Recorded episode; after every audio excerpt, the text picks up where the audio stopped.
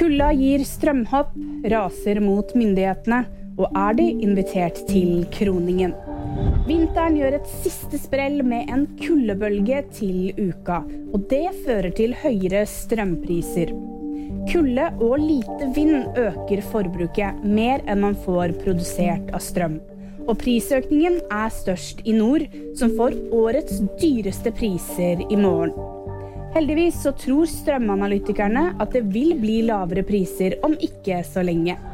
Tusenvis av demonstranter i Hellas raser mot myndighetene etter togulykken som tok livet av 57 personer.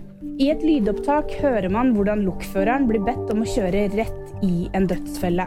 Stasjonsmesteren er blitt siktet for uaktsomt drap og for å uaktsomt å ha voldt alvorlig skade på mange mennesker. Demonstrantene beskylder myndighetene for å utpeke en syndebukk i stedet for å drifte landets jernbanenett på forsvarlig vis. Prins Harry og Meghan er invitert til kroningen av kong Charles, men foreløpig så har de ikke sagt om de kommer. Prins Harry er blitt stadig fjernere fra sin familie i England etter at han fortalte om det vanskelige forholdet i en bok, en dokumentar og i en serie intervjuer. Charles, som ble konge da dronning Elisabeth døde i fjor, blir formelt kronet i en storslagen seremoni 6. mai. VG-nyhetene fikk du av meg, Ida Aaberg Evensen.